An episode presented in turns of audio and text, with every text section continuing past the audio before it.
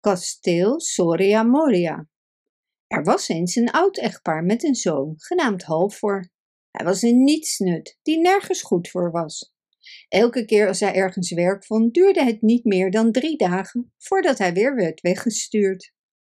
Op een dag vroeg een schipper Halvor mee te gaan op een zeereis. Dat wilde Halvor wel.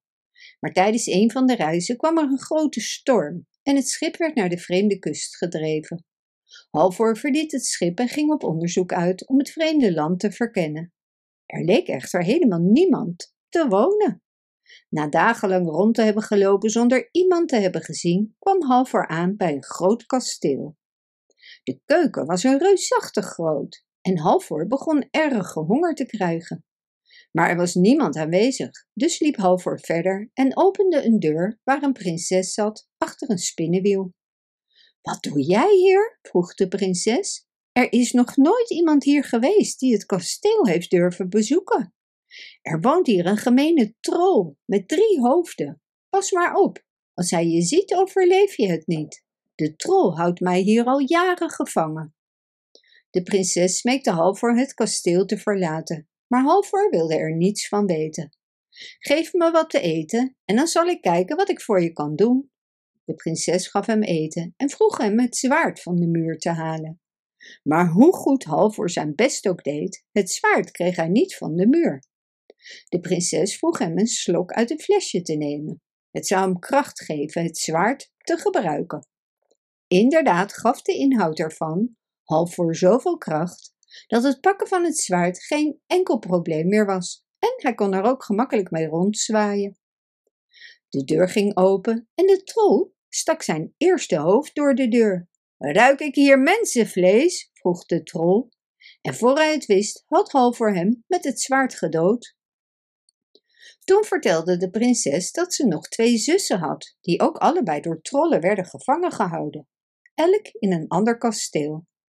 Halvor beloofde de prinsessen te redden, want nu hij zich zo sterk voelde, leek hem dat geen enkel probleem. En hij doodde ook de twee andere trollen, waarvan eentje met zes en eentje met negen hoofden.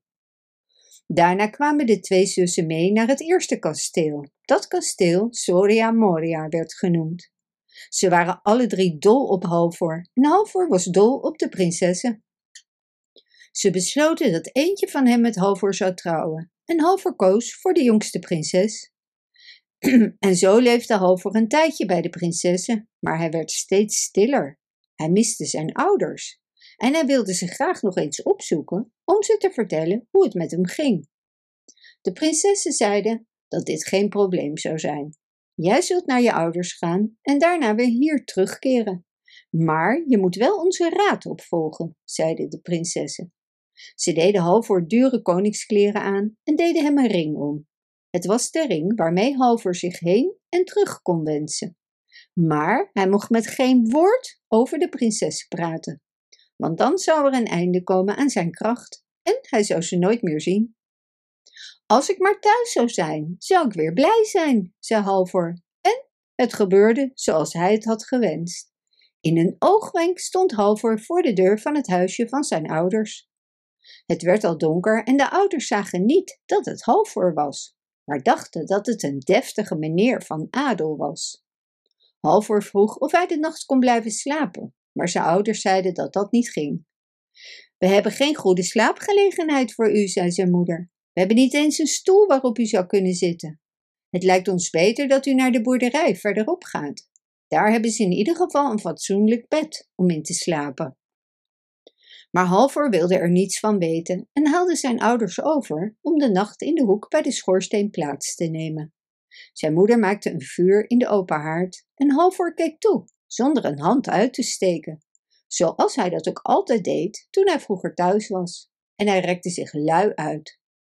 Halvor begreep dat zijn ouders niet door hadden dat hij het was. Dus vroeg hij zijn ouders: Hebben jullie kinderen?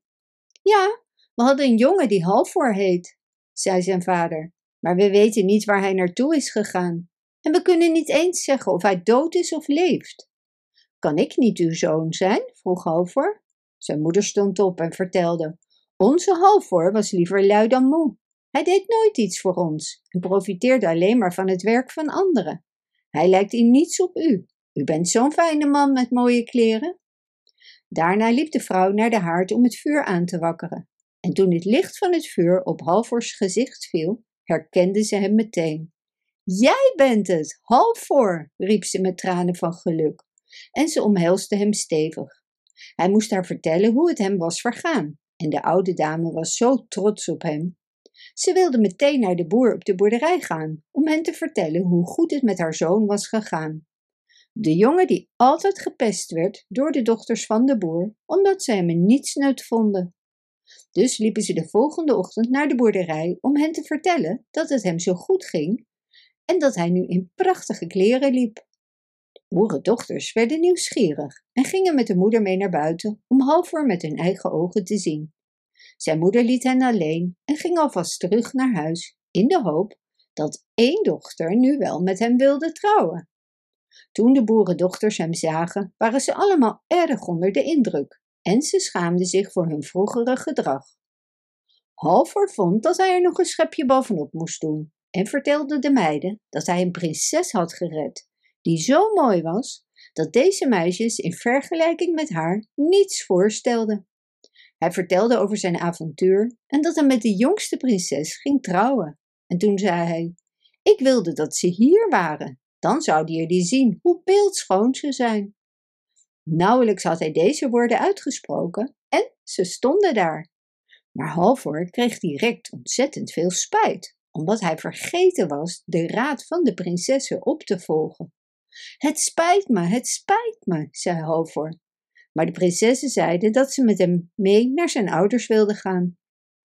Onderweg stopten ze bij een groot meer, net buiten de boerderij. Dicht bij het water was een prachtige groene oever.